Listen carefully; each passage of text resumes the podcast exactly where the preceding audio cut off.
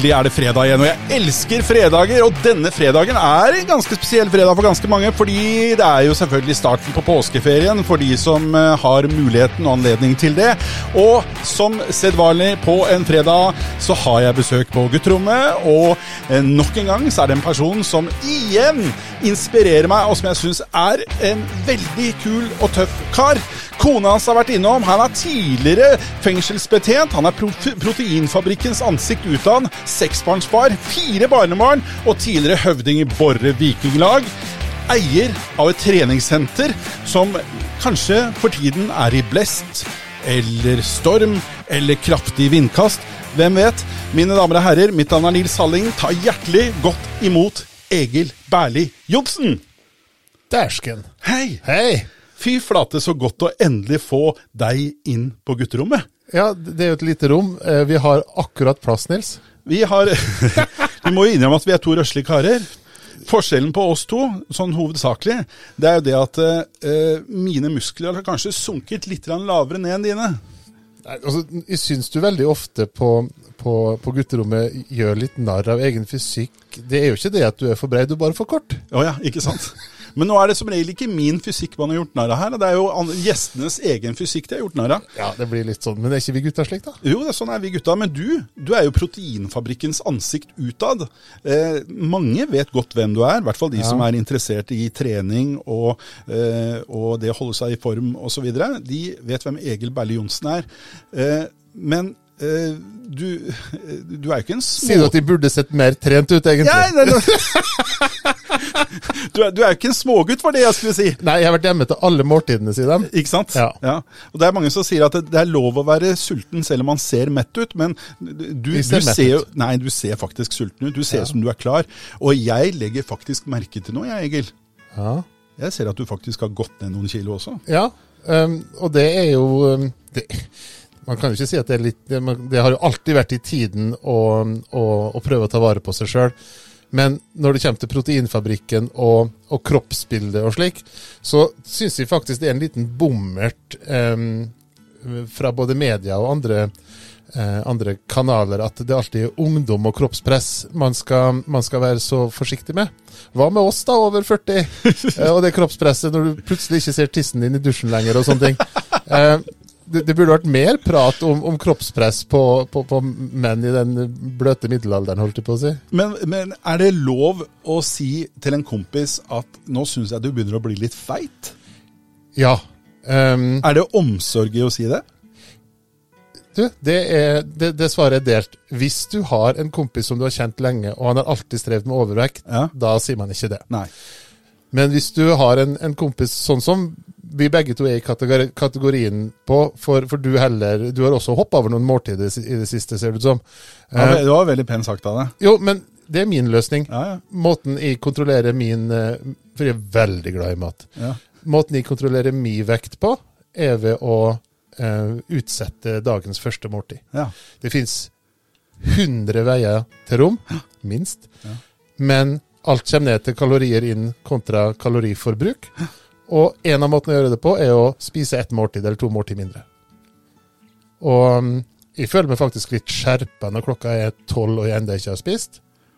Fire kaffekopper innabords og hissig sjef enten i mailboksen eller på, på øret. Da kjenner du at du lever. Men hva skjer med blodsukkeret ditt da?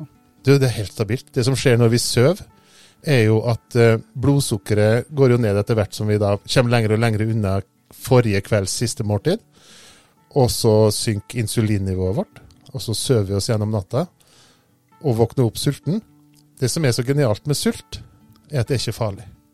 Det gjør ingenting å være litt sulten. Det har, vi, Og det, det har du faktisk rett i. det har menneskene gjort Ja, ja. siden vi bodde i huler og lagde rare lyder. Men de fleste av oss er ganske redde for å bli sultne. Altså, mange spiser lenge før de er sultne, for de er redde for å bli sultne. Ja, og så finnes det kjerringråd som ikke gir mening lenger, da. Jeg skjønner at i 1947 at du skulle råde At du var nøye på at ungene fikk i seg mat etter en krig som utarma hele befolkningen.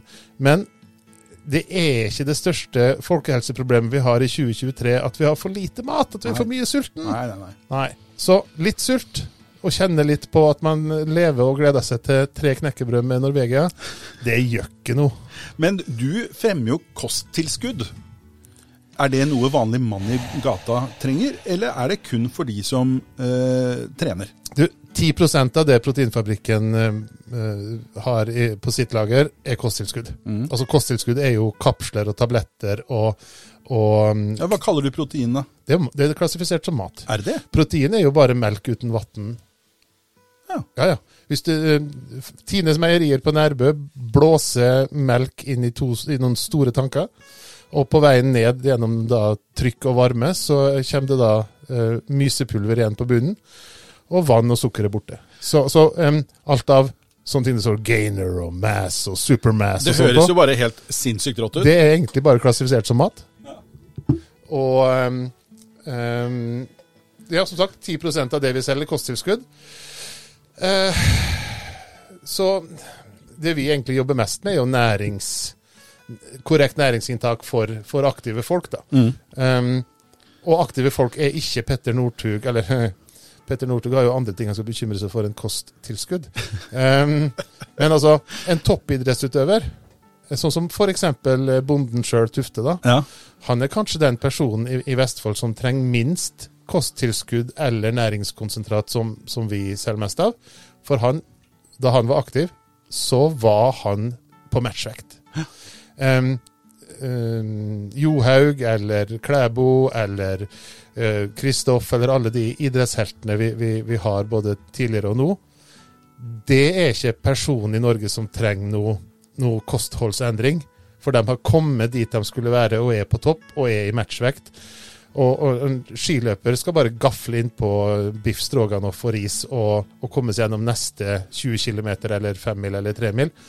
Det er folk som prøver å gjøre noe som kan ha nytte av å besøke sånne som oss og lese litt inspirerende eller kunnskapsgivende materiale som vi har, og kanskje finne alternativer da, til Statoil-pølse, eller Circle K heter det jo nå, da. ja, ikke sant? Så, men, ja. men Egil, eh, mitt inntrykk da er at en del mennesker som er litt eh, lite kunnskapsrike, eh, som tenker at eh, nå skal jeg trene og så skal jeg være aktiv, de tenker at nå må jeg kjøpe meg en proteinbar, for det, det spiser man når man trener. Ja, det har du rett i. Ehm, det er nok, vi ser nok den tendensen, vi også. Hva, hva, er, er, det, er det et problem, eller er det greit? Absolutt ikke et problem. Det som er problemet når vi snakker om trening i Norge, er at hvis du, står, går, hvis du går på torget i Sandefjord nå på lørdag, Mm. og så roper du ut så 1000 mennesker hører det 'Trening!' De 1000 menneskene får da et bilde i hodet sitt, hvis de har den funksjonen at et ord får dem til å tenke på noe. Mm. Det bildet i hodet av hva trening er, det er ikke det samme bildet. Så det, det mm, Grete på 60 forbinder med trening, er ikke det samme som Stefan på 35 forbinder med trening. Mm. Er ikke det samme som Olai på 13 forbinder med trening. Det er vidt forskjellige aktiviteter og mål. Mm. Og det de forbaska O2-snapperne som kommer på NRK Puls og skal snakke om trening og mosjon og sånn, mm. folk med smale dongeribukser og spisse sko og, og syv par forskjellige joggesko i skapet, når de skal belære folket om trening, så tenker de på Nordmarka og Holmenkollstafetten og høy puls og soner og sånn. Det er ikke der alle i Norge er. 1,3 millioner av Norges befolkning trener tre ganger i uka på treningssenter. Mm. Så liksom, det å mene at trening har med slanking eller løping å gjøre, eller langrenn for den saks skyld, det er ikke trening for alle, da. Nei. Og Proteinfabrikken sikter Vi har jo ting for O2-snappere også. Plaster og Nei da. Eh, Vi, vi har ting for O2-snappere. eh, Folk med dårlig tid. Ja. Eh, Men hovedmenigheten vår, det er de som vil endre noe, og veldig ofte så vil de bli større eller sterkere. ja. Og da er det viktig med proteiner. Da er det viktig med protein uansett kilde, ja. Ja. Det er det. Fordi man kan like gjerne spise egg og kylling. Absolutt.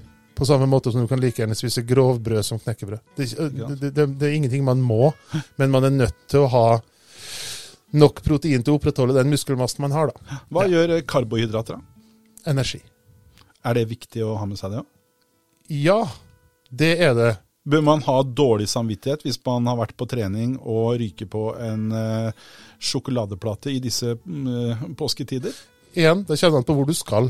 Mm. Uh, For hvis du investerer masse tid og innsats i ei knallhard treningsøkt, og er undervektig, Mm. så kan du stoppe på McDonald's på vei hjem etter den treningsøkta. Ja. Men jeg og du, som har eh, fire-fem kilo for mye, begge to Du er så søt. Ja, jeg vet det. De sier det til meg hele tida. Vi kan veldig gjerne forsake den sjokoladen, Ja.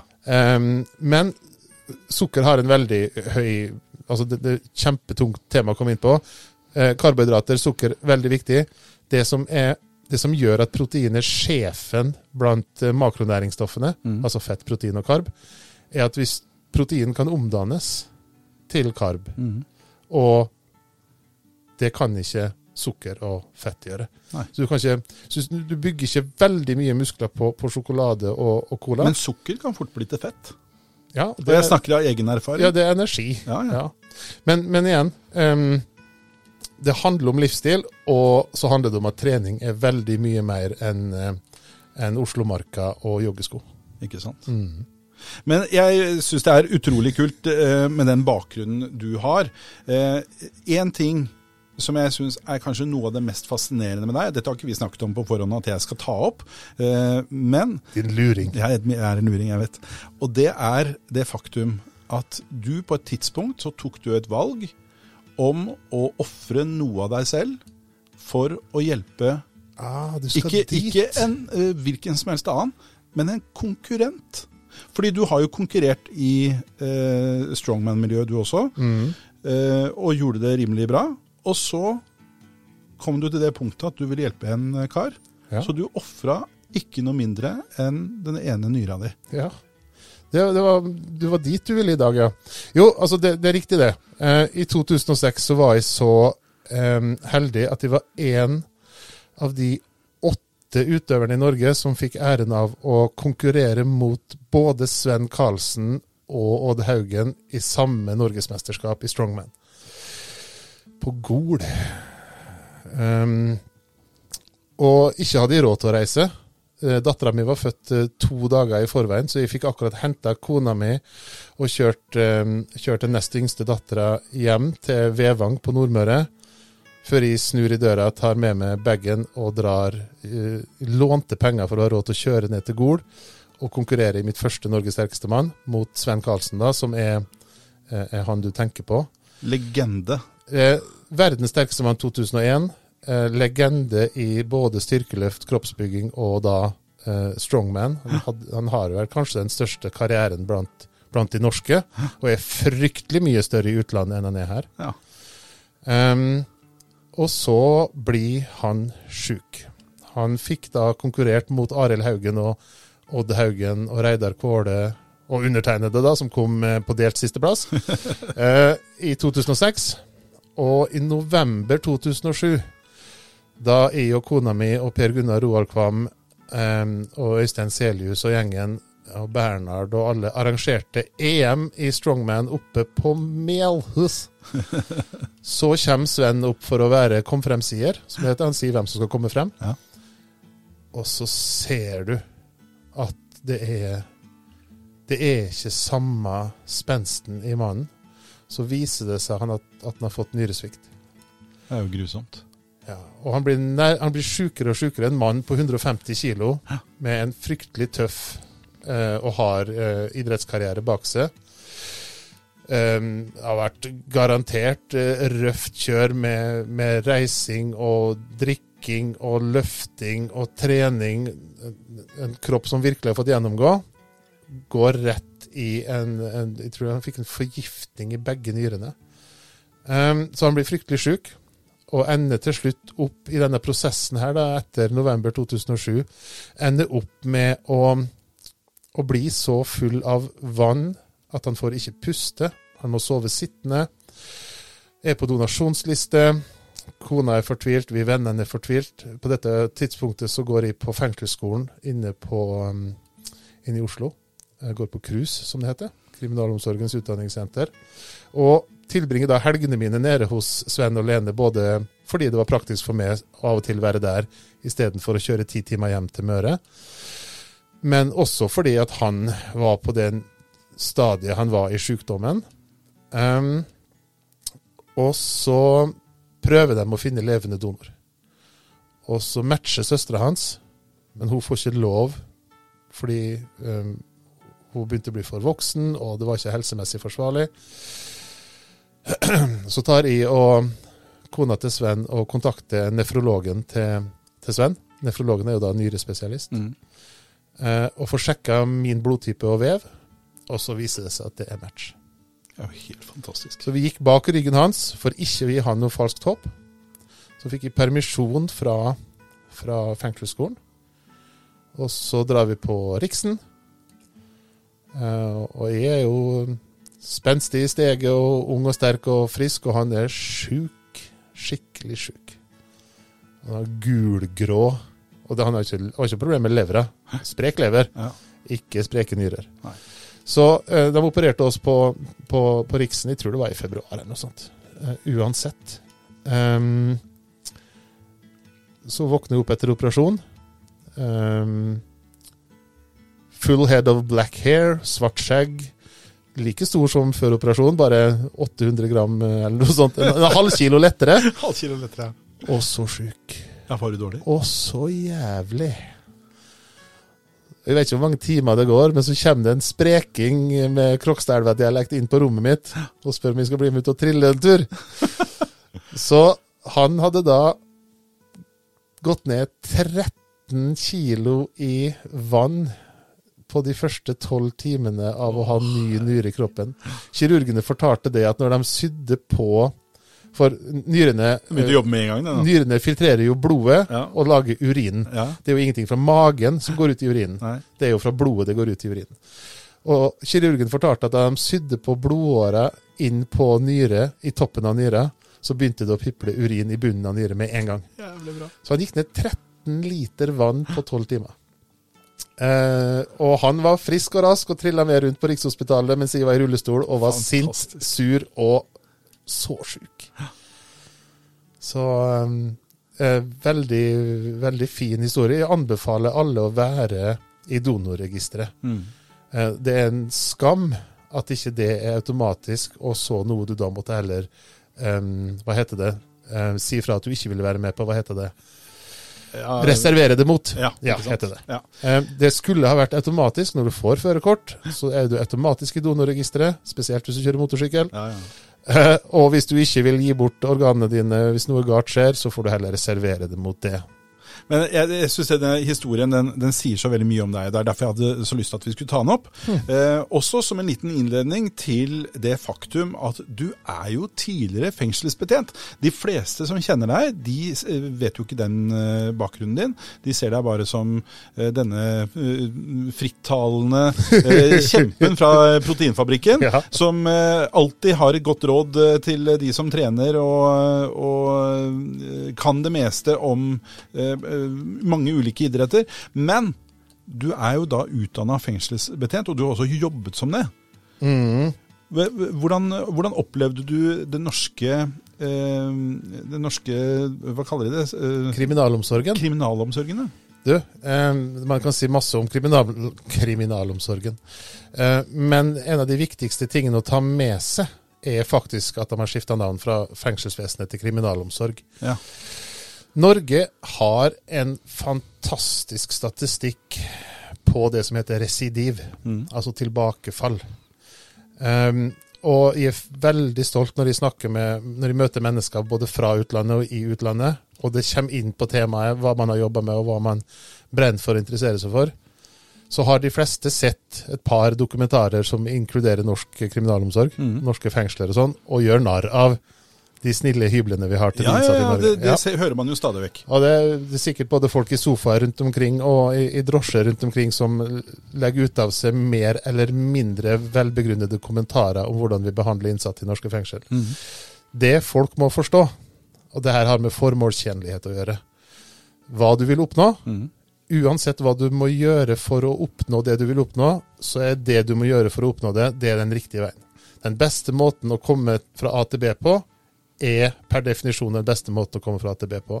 Hvis vi ønsker oss at folk skal komme ut av fengsel og være mindre samfunnsbelastende enn da vi satte dem inn, Mm. så må vi finne de tingene som gjør at folk blir så bra som mulig de kan bli. Mm. Eh, fengsel og straff i Norge er definert som fravær av frihet. Mm. Det skal ikke være hevn. Det er ikke gjengjeldelse. Du skal ikke betale for det du har gjort. Du har gjort det fortjent til å ikke ha frihet, fordi at du har brutt noen av samfunnets eh, lover og regler. I Kina er det dødsstraff for litt av hvert. Men når, når begynte vi med det? Når kom den tankegangen om eh, straff Oi. i Norge? Nå håper jeg at ingen fra Cruise hører på. Jeg, hus, jeg tror Fordi Grunnen til at jeg spør, da, Mm. en liten digresjon bare. Eh, jeg eh, har nettopp oppdaget en ny serie på NRK eh, som handler om eh, landssvikeroppgjøret. Eh, og hvordan eh, den norske regjering brukte døds, eh, dødsstraff eh, etter krigen. Altså det var jo i utgangspunktet Ja. forbudt, men i løpet av krigen så hadde regjeringen bestemt at nå skal vi innføre dødsstraff for eh, landssvikere og torturister.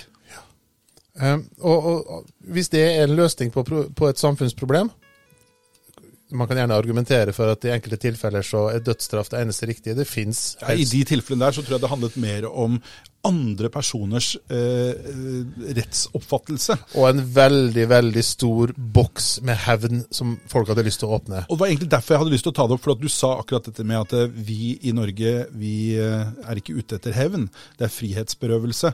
Men det er jo da en helt annen tankegang enn det vi hadde etter krigen. Ja, og jeg tror den, og nå får, nå får de bare ringe de gamle foreleserne mine på cruise. Jeg tror det var på 80-tallet, og jeg tror også at, eh, at eh, personer som Jeg tror Thomas Hylland Eriksen er en av de store innen dette. Men frem til en eller annen gang på 80-tallet så hadde norske innsatte bare radio på cella. Etter at de innførte Nei, unnskyld. Eh, før før det så var det ikke radio. Det var ingenting på cella.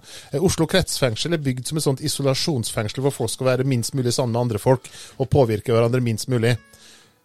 Hvis du ser på voldsstatistikken fra norske fengsel fra 50-, 60- og 70-tallet, og voldsstatistikken på 2000 2000-tallet, så viser det at de tinga som er gjort inn, inni i fengslene, eh, har ført til bedre soningsforhold. Det er mindre vold, mindre slagsmål, mindre selvdrap, eh, eh, mindre konflikter av at innsatte blir, behal- blir behandla som folk. Altså, handler, om, handler dette her noe om å lære dem det å behandle hverandre med respekt? Er det bedre enn at vi skal straffe dem eh, fysisk og psykisk eh, for det de har gjort? Jeg, jeg tror ikke det handler om hva vi lærer dem. Jeg tror det handler Ja, ja. Det er dette med eksempelets makt, da. Hvis samfunnet forteller deg at du er lite verdt, eller behandler en innsatt på en måte som får den innsatte til å føle seg nedverdiga eller undertrykt Det er nedverdigende og undertrykkende nok å bli innsatt i fengsel i 2023 og måtte gå gjennom de innkomstrutinene med stripping og ransakinger og spørsmål og Altså, jeg tror ikke folk skjønner hvor ille frihetsberøvelse er. Det å se en mann som meg og det komme inn i fengsel og måtte sone for om det så er fyllekjøring eller fart eller skattesvik eller stortingsleilighet eller hva de nå skal sone for. Alle blir behandla likt. Og du føler det som Sannsynligvis føler du det som det laveste på stigen av alt. Men Og- vi, vi fikk jo et dilemma for noen år siden. Ja, det tenkte jeg på i stad. Ikke sant? Ja. Eh, Når vi plutselig da hadde en person som vi ikke skal nevne navnet på, så han fortjener ikke det, eh, men i 2011 som gjorde det verste av det verste. Eh, aldri noensinne før eller etterpå er det noen som har gjort en sånn ugjerning som det han gjorde. Kommer sannsynligvis ikke til å skje igjen heller. Og så har vi maksimalstraff i Norge. Nå er dette med modifikasjon, da, men vi har maksimalstraff i Norge på 21 års fengsel. Og så legger vi på dette med sikring, sånn at vi i utgangspunktet ba- kan beholde den for evig tid. Men i prinsippet, da, så er det faktisk sånn at denne mannen kan være fri i år eh, 2032. Ikke i prinsippet, i teorien. Ja, i, te I teorien, teorien. så kan Altså, merkeligere ting har jo skjedd. Eh, Vi kan jo bare se på den siste på Baneheia-saka, Mm. eh, som vi trodde var bankers. Det, og han, han var jo Ikke egentlig det den som alle trodde var hovedmannen nå, ikke Ja, sant? og ikke det at det er noen som, eh, som, som tror at, eh, at 22. juli her er, er, er, er feil, eh, sånn som det er nå. Men eh, min personlige mening da, er at det fortsatt ikke er riktig å ta noen sitt liv. Det gjelder han, og det gjelder oss som samfunn. For det som er problemet med dødsstraff, er at du er nødt til å ha noen til å trykke på den knappen. Og vil vi bo i et samfunn som har en stillingsbeskrivelse i permen sin som heter å trykke på den knappen? Bøddel. Ja, jeg vet ikke om vi vil Skarpretter. Skarpretteren, ja. Ja. Som Eller, eller, eller, eller. Skarp-Petter, som jeg trodde det het da jeg var liten. Nei, eh, jeg, jeg vet ikke helt om vi vil dit, altså. Sjøl om det finnes sånne outlayers Mm. som den saken her. Vet du hva, siste, eh, Nå husker jeg ikke årstallet, men vi snakker eh, sånn siste halvdel av 1800-tallet. Så var det den siste eh, henrettelsen på norsk jord. Eh, vet du hvor mange tilskuere som var der for å se den henrettelsen? Som for øvrig var en halshugging. Nei, det tør jeg ikke tippe på. 2500 mennesker. Ja, det, det, det var jo brød og sirkus til folket. Det er det, er det som var det mest utrolige. det er artig, ikke artig at du kom inn på, men det var litt, litt snodig at du kom inn på. For det, det er alltid noen som må være den siste. Ja, Jeg har også hatt en sånn den siste. ja. Jeg hadde, innkomst, mot, jeg hadde innkomstsamtalen og mottagelsen på den siste mannen i Norge som måtte sone for militærnekting. Oi! Og det er en kjip situasjon å være i, når militærnekting i Norge plutselig da blir eh, legalisert. Altså det blir ikke kriminelt lenger, og ikke belagt med straff å nekte militærtjeneste i Ja. Norge. Så vil det jo alltid være noen som er sist Ja. til å bli dømt for det. Og da soningskøa da var så lang at, at militærnekting hadde rukket å blitt um, helt greit. Mens han venta på å komme inn for å sone for å ha nekta militærtjeneste. Så jeg tok imot den stakkars, stakkars unge mannen som var den siste som måtte sone for å nekte å gå i Å, stakkars vi. Hva var det han fikk for noe? Det- Jeg husker ikke hva straffa for militærnekting Det var. var liksom, det var en lengre periode. Det, det var rett inn på, på åpen soning på Hustad fengsel, i hvert fall. Ja. Men om han hadde tre måneder, eller hva han hadde, det husker jeg ikke. Nei. Jeg, det er liksom ganske ufattelig at eh, man tar en eh, frisk, oppgående person som aldri egentlig har gjort noe kriminelt, og så bare sier at nei, bare for at du ikke vil ut og drepe folk, så skal vi putte deg i Det var jo kriminelt fram til da. ja, ja. Men i utgangspunktet så har han ikke Han har liksom ikke banka noen eller rana noen bank eller Nei. noe som helst sånt noe. Det er bare for at han ikke vil lære seg å drepe andre mennesker, så skal han kastes i Men da, fengsel. men da var samfunnet kommet dit at vi da ikke lenger vil, at vi ikke trengte det lenger. Men i dag så er det jo sånn at eh, håper jeg, de fleste slipper jo unna. Ja, det, det er jo konkurranse om å Ja, komme inn i dag. ungdom vil jo inn og gjøre altså Jeg har jo ungdom på gymmet mitt som skal ha treningsprogram og råd og tips fra både meg og flere av de andre. Vi har jo flere veteraner på gymmet også. Mm. For hva skal jeg gjøre for å komme inn? Og jeg husker nå Jeg tror det var Philip på gymmet. Ung gutt. Jeg tror det er Philip. Som eh, endelig Han har vært gjennom sesjon. Han har kommet inn og så motivert. Um, og så kjenner jeg mange som prøver å komme inn, som ikke får lov. For vi har altså um, mobiliserings... Altså rekrutter per år. Jeg tror Norge nå er nede i sånn 6000-8000 nye rekrutter per år, mens da jeg og du var inne, var det type 80 000. Mm. Ja. Så, så nå er det liksom, nå er du heldig hvis du greier å få førstegangstjeneste på CV-en. Altså, på den, eh, jeg, jeg var i Marinen i 1993. Ja. Eh, Jeg kom litt seint inn, for jeg hadde så mye annet jeg hadde lyst til å gjøre før jeg dro i militæret.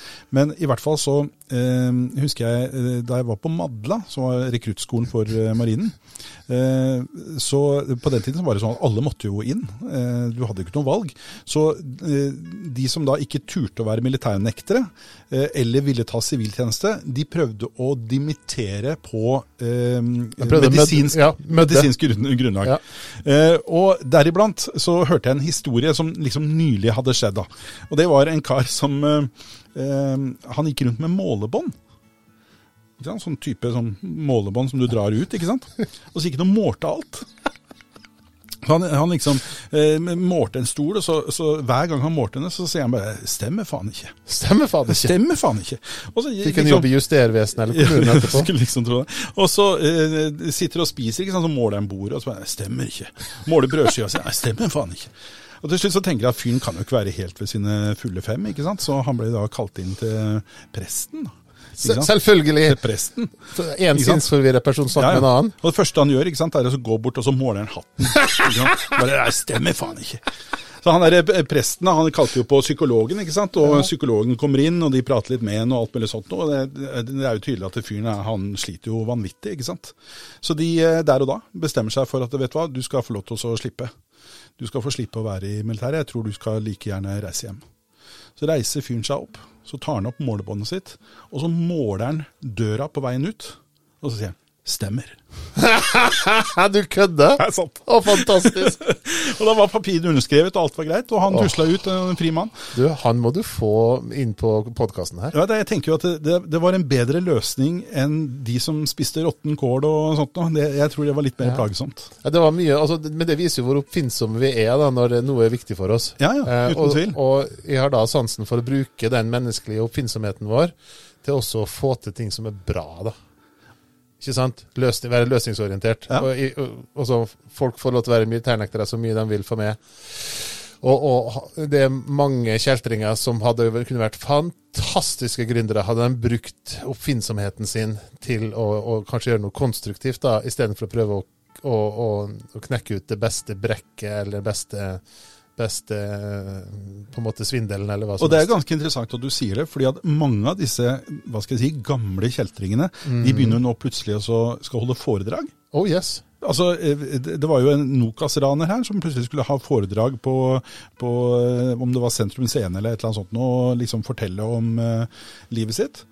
Uh, de, de er jo, de er jo eh, jeg håper å si, kreative, da. Ja, altså jeg har, jeg har altfor mange historier og, og, fra spesielle og fantastiske folk jeg har møtt på innsida av, av murene. Men eh, jeg må trekke fram én i særdeleshet fra lukka avdeling eh, i Trondheim fengsel på Tunga. Eh, der fikk jeg gleden av å, å være kontaktbetjent for, for en innsatt som eh, satt for smugling av enorme mengder eh, narkotikumer. Han var ikke politimann. Han var ikke politimann. Nei. Eh, det var ikke han. Okay. Eh, det var før hans tid.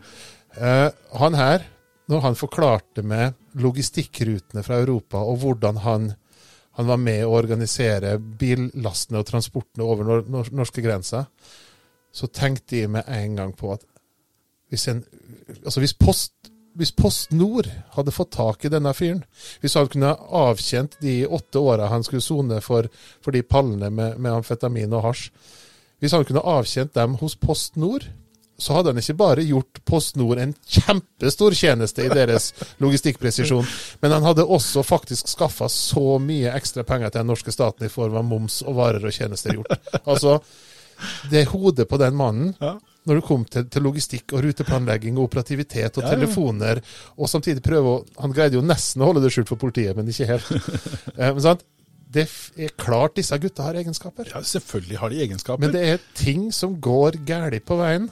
Ja, Eh, og så, det, så kan det også være at eh, det, det kan være rusproblematikk inne i bildet, hvor de har gjeld de må dekke. Det kan være eh, grådighet, ikke minst, som er en stor drivkraft for veldig mange mennesker.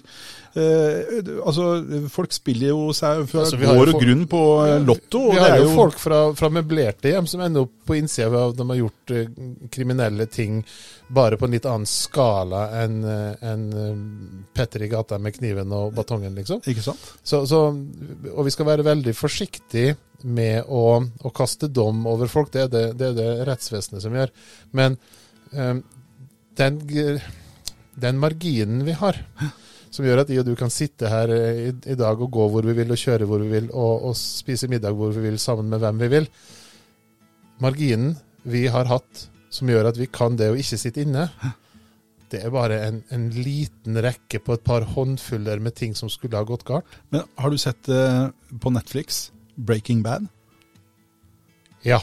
Jeg har sett eh, i hvert fall de par første sesongene. i hvert fall. Ikke sant? Breaking Bad, grunnen til at den tar helt av, er hva skjer hvis en helt vanlig, kjedelig fyr plutselig blir eh, en svær narkobaron? Ja, eller blir nødt til å bli det, som er veldig fint det plottet Ja. på hvordan han, han kan forsvare at han blir narkobaron. Og det er klart at en, sånn serie som det blir veldig populær, fordi mange har liksom tenkt den tanken, ikke sant?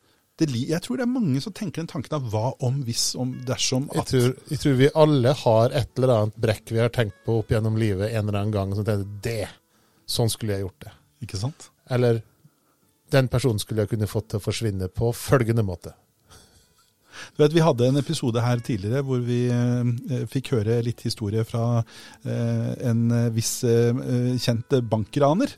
eh, og hans eh, eskapader, og hvordan han egentlig levde et ganske greit liv i etterkant, bare gjennom det ryktet om at han var Norges mest kjente bankraner.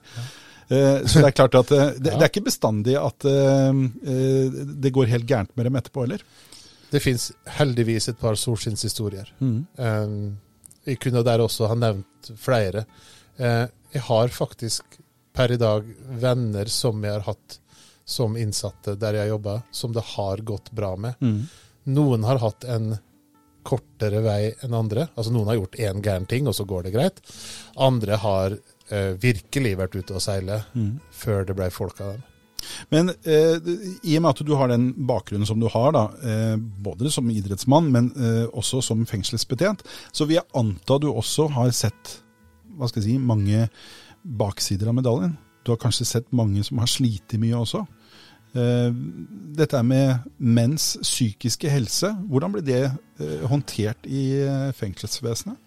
For å si det Det blir håndtert veldig mye bedre nå enn da jeg var bekjent, og jeg skal forklare hvorfor.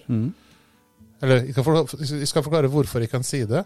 Eh, og da jeg var bekjent, så ble det håndtert veldig mye bedre enn på 80-tallet. Og da var det også veldig mye bedre enn på 60-tallet.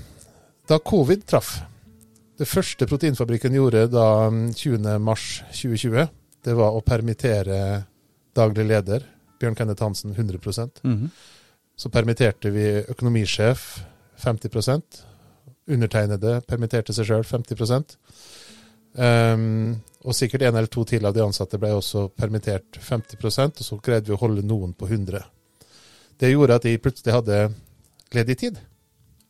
Så da ringte de Sem fengsel. For dette var og Nå snakker vi april 2020, hvor um, vi faktisk Jeg vet ikke om du husker at samfunnsberedskapen var en stor sånn ball i lufta. Hva gjør vi hvis alle legene blir syke? Og min tanke var Og politiet. hva gjør, Og Forsvaret. vi, hva gjør vi hvis hele staben på Sem fengsel går ned for telling? Bra eksempel. Så jeg ringte tjenesteoppsettet på Sem fengsel og sa hei, Egil her. Jeg bor syv minutter unna fengselet. Jeg har utdanningen. Jeg mailede attestene mine og vitnemålet mitt fra fengselsskolen nå. Hvis du trenger meg, si ifra. Jeg har tid. Og så gikk det 17 minutter, så fikk jeg en e-post. Når kan du komme og få uniform? Så da måtte jeg inn igjen i etaten etter elleve år ute. Så gøy. Ja, de måtte jo lete for å finne skjorte stor nok, da, men jeg hadde faktisk ei skjorte i bunnen av kista. Du, det var veldig gøy. Ja, Det tror jeg på, fordi Det plutselig så gikk du litt tilbake i tid òg, da. Fantastisk deilig å være tilbake i operativitet, Mm. få lov til å vite hvordan det fungerte. Men det har skjedd ting i kriminalomsorgen. Altså, jeg ble kalt en vaffelbetjent da jeg var ferdig utdanna, fordi vi var vi nye, vi var så mjuke og softe, og vi var, vi var disse snille betjentene. Ja, ja. Vi, kunne ikke, vi delte ikke ut springskaller til noen engang. Sant? Vi var snille. Yes, De gamle hardingene var jo brutale. Ja. Når jeg kom tilbake på Sem fengsel i 2020, da var jeg dinosauren. Da var jeg den gamle, Garden. grinete, gamle garden. Fordi kriminalomsorgen nå Den største endringen som jeg så under covid da jeg jobba på, på Sem 50% det er at vi har blitt mye mer vi. Kriminalomsorgen har blitt mye mer opptatt av eh, soningsskader, isolasjonsskader, og bøte på de eh, problemene som oppstår når folk går inn i det mørke eh, hullet og isolerer seg, og nekter å gå ut på luft før i tida. Mm. Du hadde dagvakta, Nils, Mm. og Pettersen på 311 han eh, går ikke ut på morgenlufta sammen med, med det og gutta. Mm. Det syns du er helt greit, da slipper du å låse ut han. Og så er du ferdig med vakta di, og så kommer vi på, på kveldsvakt, og så skal vi kjøre en luftrunde til. Og Pettersen på 311 han eh, går ikke med meg ut på luft heller. Du har ikke fortalt det til meg. Jeg fortalte ikke det til noen på kveldsvakt, etter, etter kveldsvakta mi. Så skjer det samme dagen etterpå med en annen dagbetjent. Og til slutt så er Pettersen på 311 helt i kjelleren. Mm. Nå noteres alt slikt ned. Mm. Alle mulige tegn på selvisolering, selvskading. Um, det skal begrenses, all, alle mulige sånne ting skal begrenses. Nå er det aktivitører som sørger for at disse blir motivert, heter vel ordet i hermetegn, til å bli med på ting. Om det så betyr at én betjent tar med seg den personen som sliter, Mm. ut i luftegården alene, går og spiller PlayStation. Men vi har jo hatt eksempler på innsatte som faktisk har tatt livet av seg. Du, både Og det skjer jo. Én ting er jo at selvmord i samfunnet Det er jo et samfunnsproblem, men det er også flest menn som tar livet sitt. Innafor så tør jeg Jeg har ikke noe data til å backe det opp, men det vil ikke overraske meg hvis selvdrap er et større problem i fengsel også. Det skjer nok sannsynligvis hele tida. Det, det, det er helt sikkert statistikk på Det sånne ting også. Men eh, jeg syns det er veldig interessant at du har den bakgrunnen som du har. Um, og så driver du jo da treningssenter. Uh, og du jobber med idrettsutøvere på høyt nivå. Fordi mange av de som trener hos deg, de er i uh, toppeliten Mm. innenfor sine idretter. Ehm, hender det noen ganger at eh, du må ta i bruk dine kunnskaper rundt eh, mental helse også på gymmen? Ja, det blir jo som den, den blinde leder den døve, på en måte. Jeg er jo ikke noen på langt nær noen, eh, noen eh, kompetanseperson når det kommer til mental helse. Men jeg tror det ligger i Hvis jeg skal peke på noen gode trekk med meg sjøl, så tror jeg det som gjør at de var en OK fengselsbetjent, og det som gjør at de gjør en bra jobb i Proteinfabrikken, er det samme som gjør at de er en bra ressursperson på det treningssenteret som I og Roald Kvam driver. Nemlig at de er lidenskapelig opptatt av folk. Um, og hvis man er det uten å tenke på seg sjøl hele tida, så ser man en del ting. Um, jeg litt for blind og naiv til å avdekke alt. Men jeg tror det at hvis du Hvis du gjør det flid i å prøve å huske navnene til folk, hvis du prøver å huske hvis, du prøver å legge merke til magefølelsen når, når Petter går forbi og han ser litt dussebang ut, som det heter, altså angstfull og ottefus, dussebang, så spør da vel. Ja. Um, ikke det at det alltid hjelper å spørre, men jeg er genuint ærlig og oppriktig opptatt av mennesker, Mm. og det må du være i kriminalomsorgen. Det bør du være i en halvveis formidlerjobb som jeg har i Proteinfabrikken. Og du kan ikke drive gym uten å være opptatt av mennesker. Og greier du da å finne dine måter å, å bry deg om eh, nesten alle du møter på din vei, så tror jeg du kan Eller jeg veit faktisk. Jeg har eksempel på at ett hei har redda folk fra å gjøre noe galt. Jeg kan ikke fortelle hele historien, Nei, men jeg har fått høre i etterkant Mhm. at hadde ikke jeg kommet inn på fredag, så hadde ikke jeg vært her i går. Mhm. Eh, og det fins jo vandrehistorier om, om folk som har skrevet um, avskjedsbrev, hvor det i avskjedsbrevet står 'Nå går jeg til brua'. Mhm. Hvis jeg får ett smil på veien dit, Mhm. så snur jeg og går hjem igjen. Ehm, og jeg, jeg tror folk er nødt til å dra huet ut av ræva og se på andre, sjøl om de sjøl har det kjipt. Fordi hvis du kan få andre til å få en bedre dag, så kan jeg nesten garantere deg at det smitter over på deg sjøl. Altså. Mm. Nesten samme hvor ille vi har det. Og Jeg, jeg syns det er så fantastisk at du sier det, for jeg, jeg er så enig. da. Det å se hverandre i det daglige, og noen ganger bare møte blikket, eh, et lite smil, et lite hei. Veldig ofte så er det ikke mer som skal til. Men du, har også, du har også vært deppa og lata som du har vært fornøyd. Du skulle bare visst. Og så møter du en kompis eller en nabo eller en kjenning på butikken. Ja. Så spiller du skuespill i fem minutter. For det første så kan det hende at du var den eneste som smilte til han eller hun den dagen, og du har gjort noe bra for han eller hun. Ja. Men sannsynligvis også det skuespillet du gjorde der og lata som at alt var bra Nei, det alt er fint. Eh, jeg tror det skjer en del ting inni oss når vi smiler, sjøl om vi kanskje ikke følte for det. Vi sier noe hyggelig, sjøl om vi kanskje ikke tenkte på noe hyggelig. Jeg har ikke data på det, men jeg påstår at det også gjør det bedre, da. Og jeg tror det at eh, alle mennesker du møter, de har noe. Alle har noe de sliter med. Alle har noe de gjerne skulle vært foruten. Eh, hvis du spør enhver person, så tror jeg det er veldig få mennesker som ville sagt at på en skala fra 1 til 10, hvor lykkelig er du? Så tror jeg det er veldig få mennesker som svarer åtte, ni eller ti. De fleste vil kanskje i beste fall ligge på sånn fem-seks, for de vet at det er så mange ting altså, som kunne vært bedre. Hvis du i dag svarer at du er ti av ti på, på, happiness, da mm. har du For det første så ser du ikke nyheter. Nei. Nei. Og du er sannsynligvis under et sterkt behov for å bli medisinert. Ja, Og du har sannsynligvis ikke gjeld å betale renter. Eller strøm. Eller strøm. Men å være på åtte, ja. der tror jeg av og til har vært. Ja, men ja. Det, det, kan være, det kan være situasjonsbestemt. Men eh, apropos, ja. det, apropos det, ja. Egil, nå skal jeg utfordre deg litt. Fordi jeg sa innledningsvis, så sa jeg til deg eller når jeg introduserte deg, så sa jeg at du eier et treningssenter i blest, mm -hmm. eller storm, eller kraftig vindkast, ja. sa jeg, og humra litt. Ja. Sørvest, stiv kuling og regn. Ikke sant. Altså, du står nå i fare for å miste det du har brukt en stor del av eh, din eh, hva skal jeg si, moderne voksenperiode på å bygge opp. Ja. Rett og slett fordi det, er noen dumme kommunale regler, og du kanskje har vært litt klønete sjøl og ikke eh, tatt hensyn til det. Eh, og så står det en situasjon nå hvor eh, det blåser litt. Ja, For, kan du fortelle litt kort hva det er som skjer?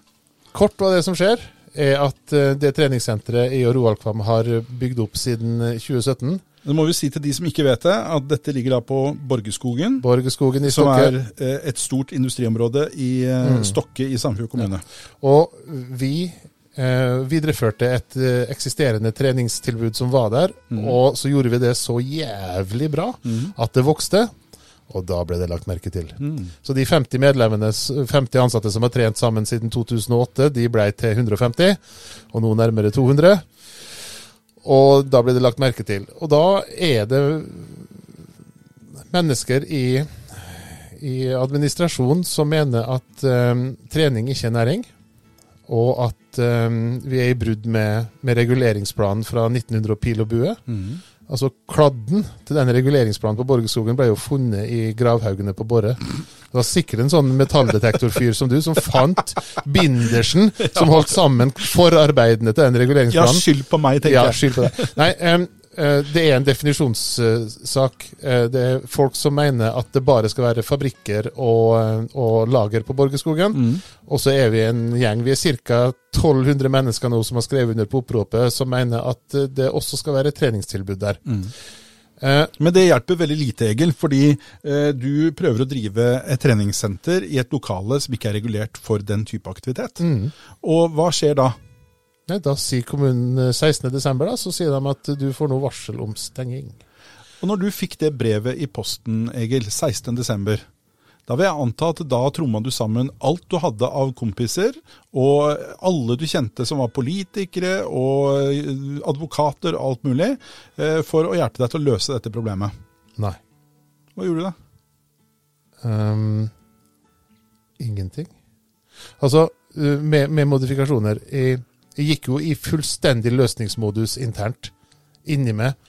Um, fikk full oversikt over prosessen hva som må til for å søke om den dispensasjonen fra en reguleringsplan. Mm.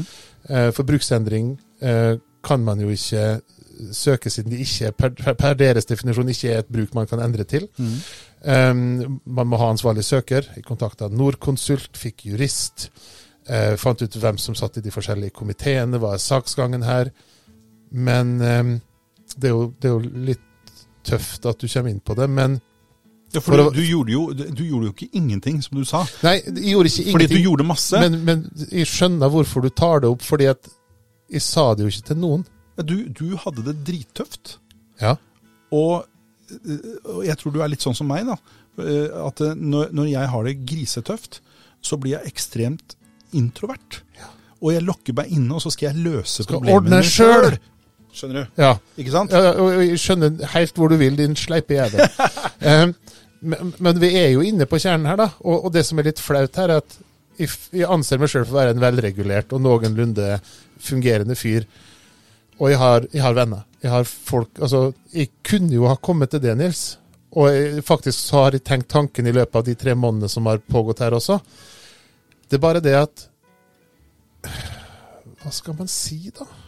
Hva skal man spørre om? Men var du, var du flau? Skamma du deg over at du liksom ikke hadde avdekket Ja. deg før, gjort noe med det Ja, tidligere? jeg og sånn? skamma meg over at jeg ikke hadde kontroll på, på, på sysakene. Ja. ja. men det var ikke Er derfor ikke, det, er ikke det en litt sånn typisk greie for oss gutta? At når, vi, når det er noe som, som vi syns er litt flaut, eller noe vi skammer oss litt over, så lokker vi oss inne, og så skal vi liksom fikse problemet sjøl, istedenfor å spørre folk om hjelp.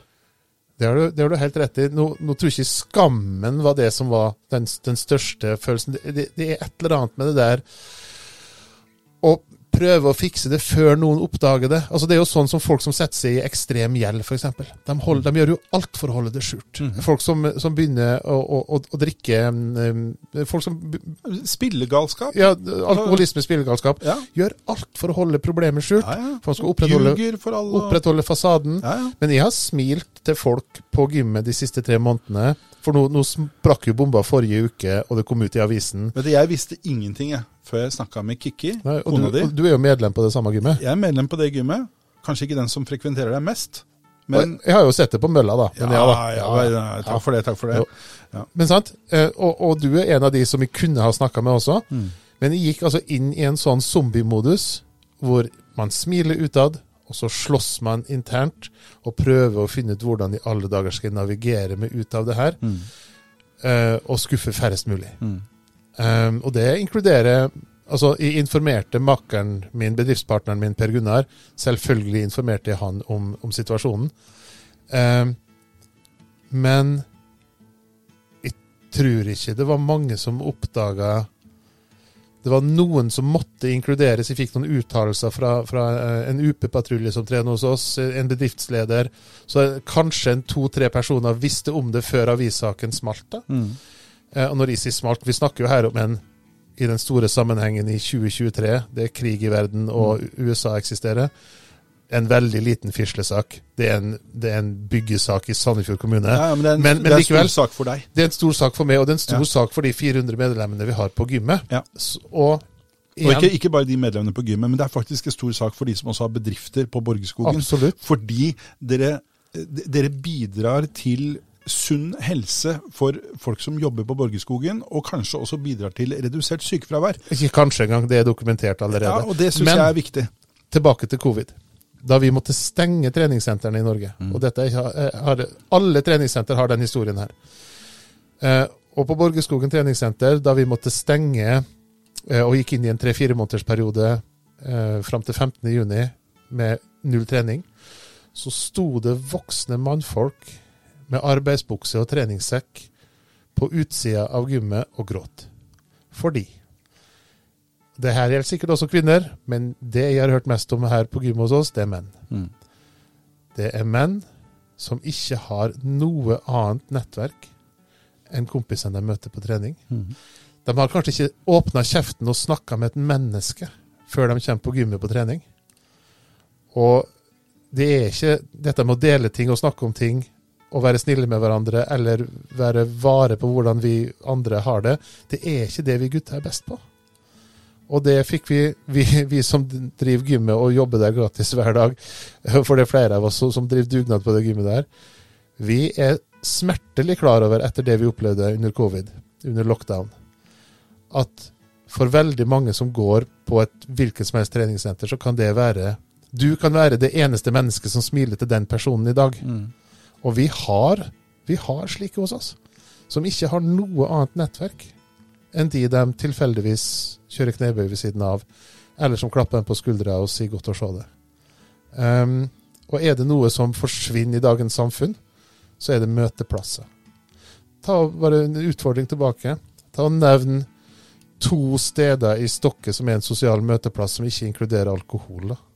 Gi meg to. Eh, jeg tror ikke det er så veldig lett. Nei. Men eh, jeg er nok feil person å spørre, for jeg og Stokke er ikke veldig gode venner.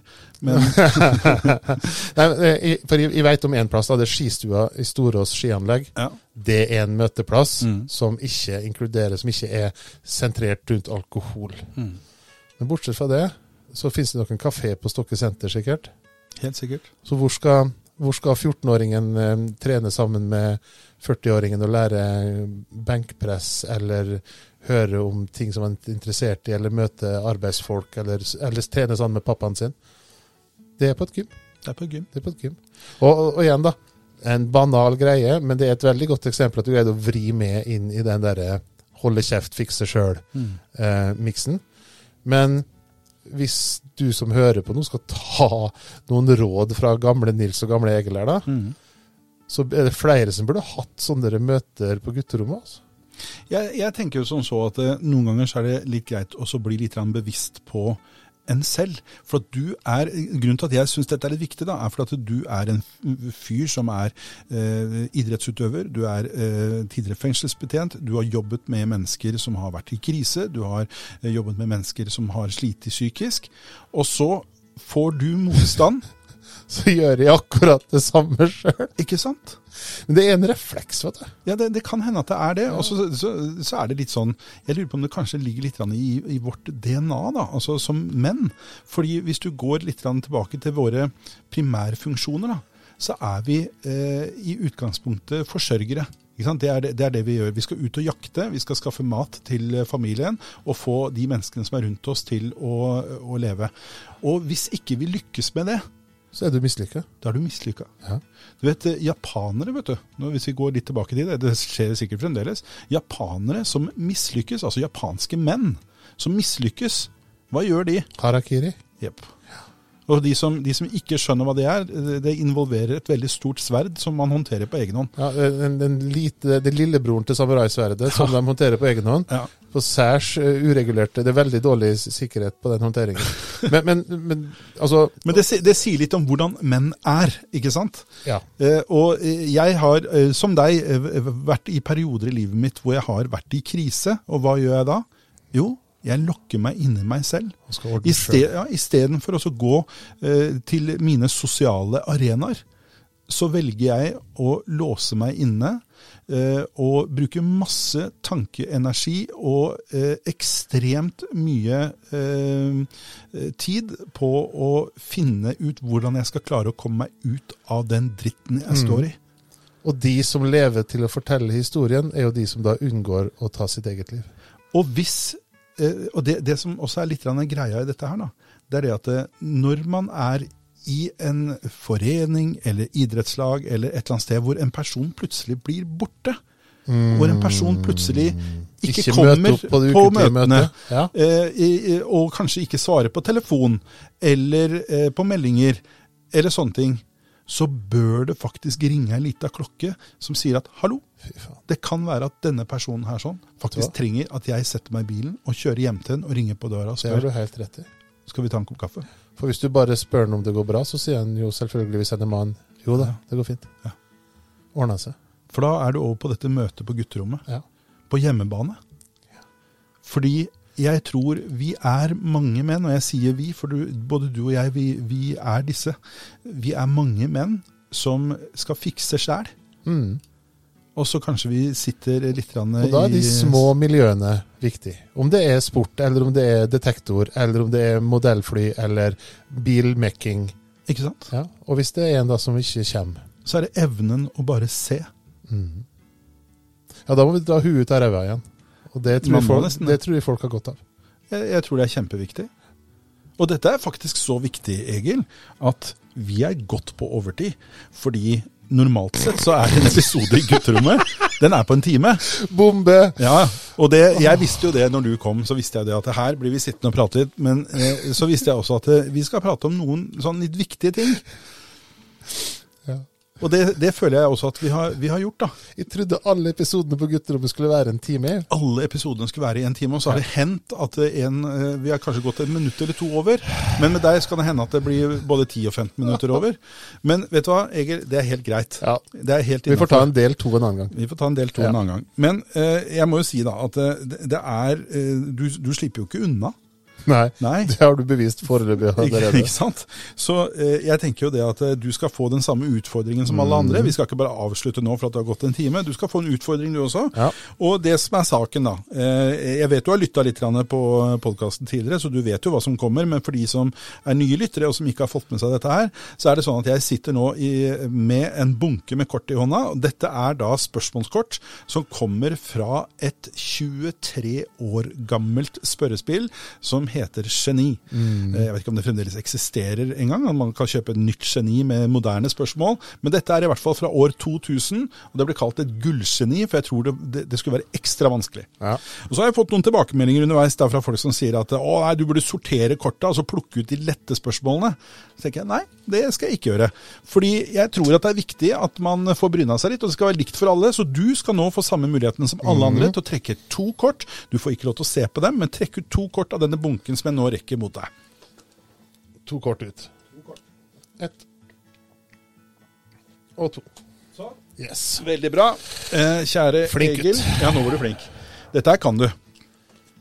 Eh, og da, Egil, da er det faktisk sånn da at eh, eh, siden du nå eh, endelig har kommet på gutterommet, så skal eh, vi da introdusere deg til gutterommets egen eh, gullquiz. Og vi har til og med vår egen lille kjendisjingle. det blir sånn gameshow-feeling på dette. Det er jo kjempegøy. Eh, og Da er det eh, totalt eh, tolv spørsmål. Det er seks spørsmål på eh, hver av disse kortene. Og du får eh, eh, muligheten nå til å svare på disse, og maks er da selvfølgelig tolv poeng.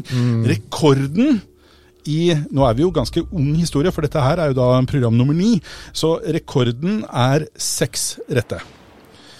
Og vi starter med første spørsmål. I hvilken by ligger Nordens største trebygning? I hvilken by ligger Nordens største trebygning? Ja. Du, eh, Ebre, er Brumunddal Nei, det er 2000. Ha-ha-ha, lurespørsmål. Oh, ja. Um, For mange av disse spørsmålene er jo da fra eh, 80- og 90-tallet. eh, jeg er ikke jeg Svarer Bergen, sjøl om det ikke er en norsk by. Og det er, kjære Egil, dessverre feil. Ja. Riktig svar, det er Trondheim. Stiftsgården. Mhm. Jeg hadde nok svart eh, Geilo og Dr. Holms hotell, men eh, ok. Geilo er ikke by. Nei, det er jo ikke det. Nei. Eh, hvilken kjemisk eh, Kjemisk i eh, da gåsetegn. Eh, hvilken kjemisk nyhet i klesveien for damer ble i 1936 lansert i USA? Nylonstrømper. Og nå, nå svarte du jo før jeg var ferdig med uh, spørsmålet. Mm, Men Egil, jeg kan glede deg med ditt første poeng. mm. Gratulerer. Ett poeng. Takk for det. Det er helt riktig. Dette har du greie på. Bankranernes favoritt. Ja. Ja. Nylonstrømper Ja. kan du mye om. Hvilken by, mere byer, hvilken by er alltid både start og mål i seilekonkurransen Whitbread? Uh, Round the World Race.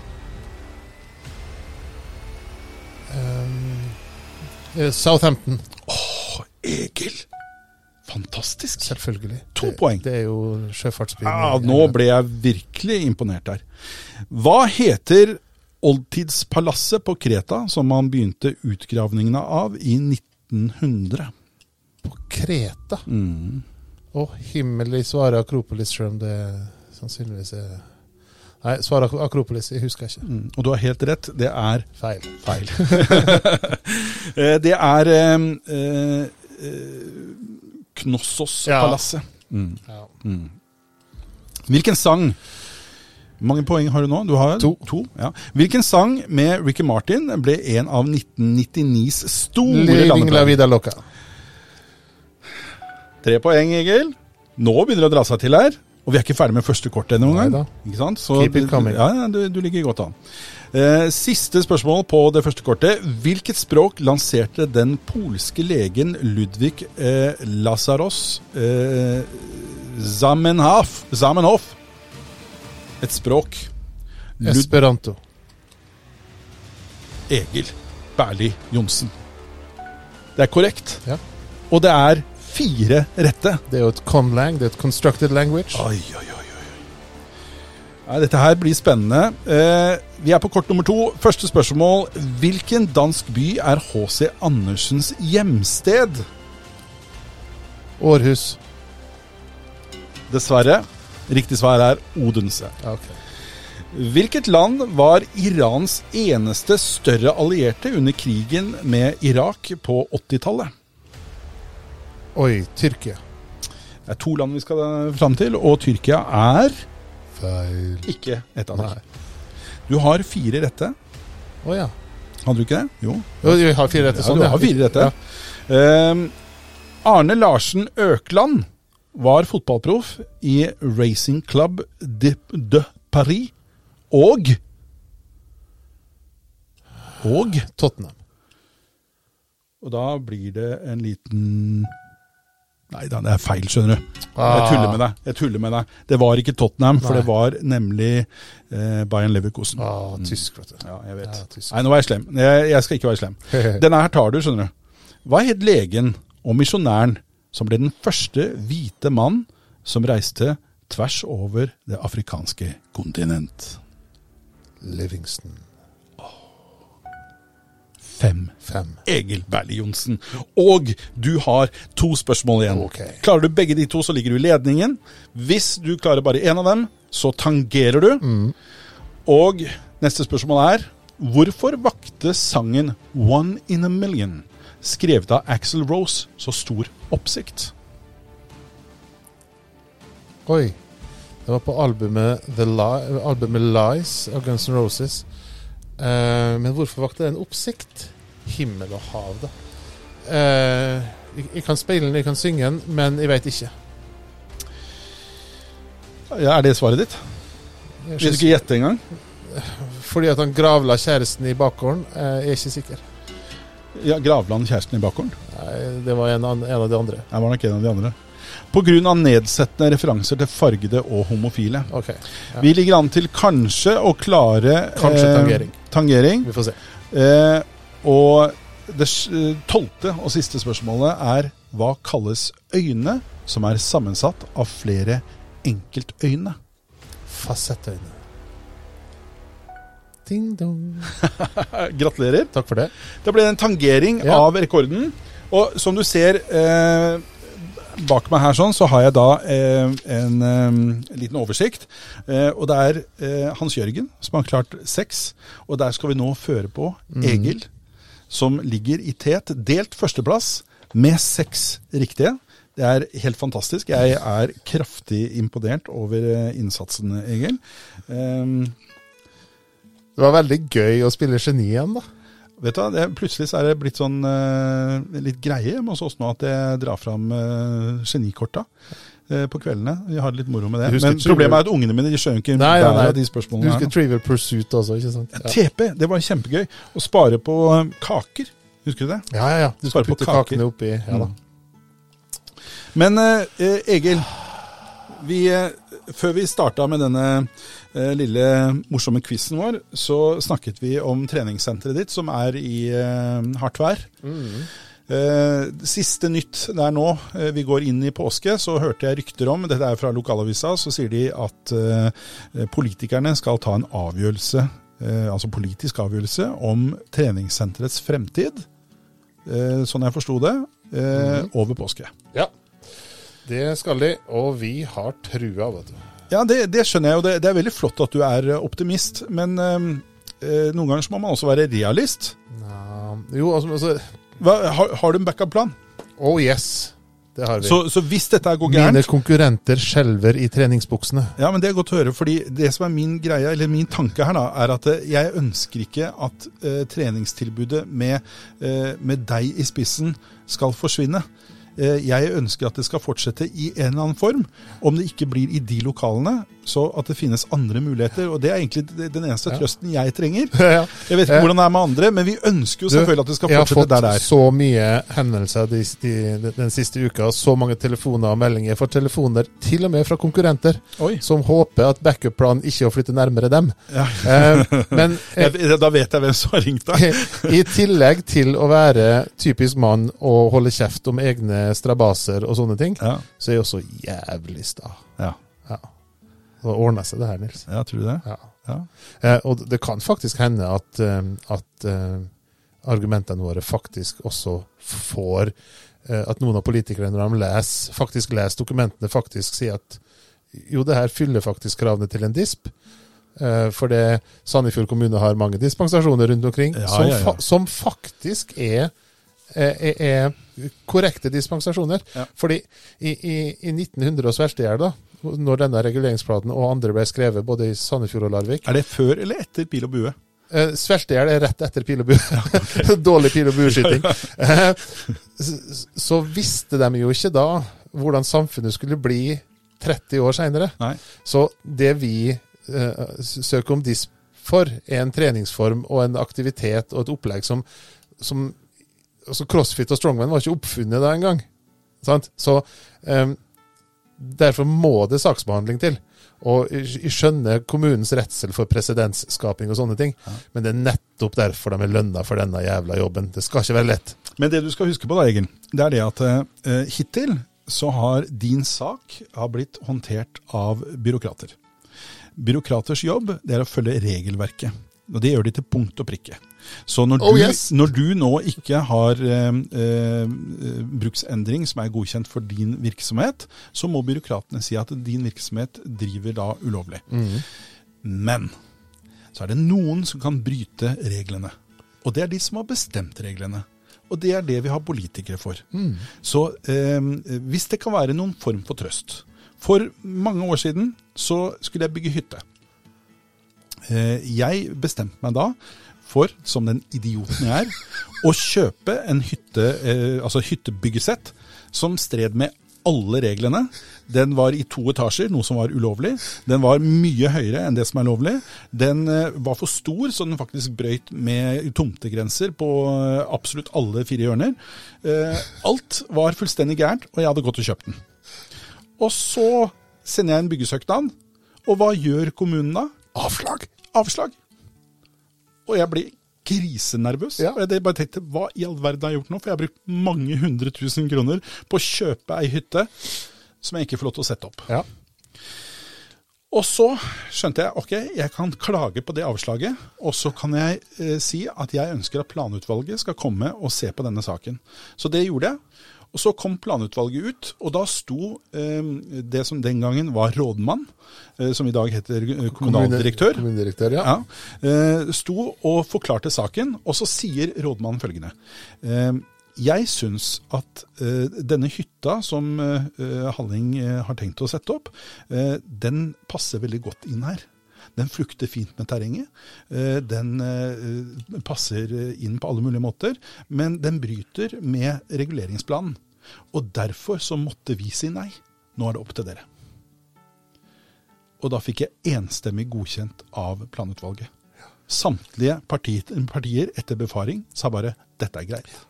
Og det kommunedirektøren gjorde der, han ga sin innstilling. Eh, i, Ja, han sa også at jeg måtte si Ja. Jeg måtte Ja avslå, for han- det er reglene. Han sa at han måtte avslå, Ja. det er reglene. Ja. Eh, dere avgjør. Ja. Eh, I, i, i, vårt tilfelle så har kommunedirektøren eh, sagt følgende i sin innstilling.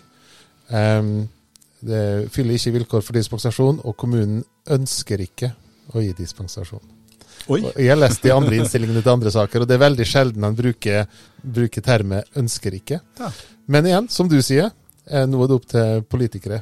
Det og det er det det er. Og da tenker jeg ehm, eh, Og jeg er ikke en uhildet person i dette, fordi jeg trener på ditt eh, treningssenter, så jeg har en, en, em, personlig agenda i å få beholde det sånn som det er. Samme her. Eh, Ikke sant? Så eh, jeg har lyst til da å bruke den anledningen som vi nå har, eh, til å eh, gi en liten oppfordring til byens politikere om at se litt forbi eh, denne eh, reguleringsplanen som er fra 1844. Eh, og eh, tenk heller at det er én eneste ting som er viktig her. Det er det sosiale. Gi folk en arena hvor de har muligheten til å være sosiale. Nummer to, et sted hvor folk har muligheten til å bedre helsen sin. Og nummer tre, et tiltak for å redusere sykefravær i regionen, som er ekstremt viktig. Og Hvis de klarer å huske på disse tre enkle tingene, det er mitt innspill, så tror jeg at de skjønner at dette å ha et treningssenter på et uh, industriområde, det er ikke den dummeste tanken i verden, det. Det fins dummere tanker, altså. Ja, jeg tror det. Spesielt. Har du noe innspill som du tenker at det er viktig at de får med seg? Du, eh, det du sa der, burde jo eh, holde en lang vei. Eh, men eh, det finnes én ting til da, som er typisk den nye treningsformen crossfit og funksjonell trening. Mm. Vi lager jævlig mye bråk. og det er ja, men det, vi, vi kan le og, og, og, og, sånn, men hvis du søker opp i lokalnyheter i Norge, Ja. søk på crossfit og klage. Så eh, det som går igjen, er at sentrumsnær plassering av eh, funksjonelle treningssenter, Ja. det å be om bokstavelig talt bråk. Ja, Og det er jo ingen som bor i nærheten av det treningssenteret deres. Nei.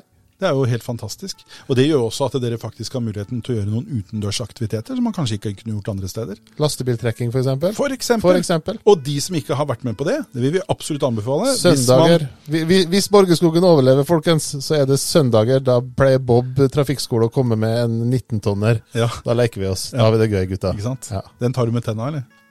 Nei, så artig. Vi driver ikke med sirkus. Men, eh, men, eh, men vi har hatt, eh, det er mange som har opplevd mestring på å trekke lastebil for første gang. Vet du hva, Det tror jeg på, Egil. Og det har vært helt fantastisk å ha deg med på gutterommet. Jeg takker for innspillene dine. Jeg, jeg håper og tror kanskje at folk har blitt litt mer bevisste på eh, å se hverandre. For Det har kanskje vært et hovedtema i dette.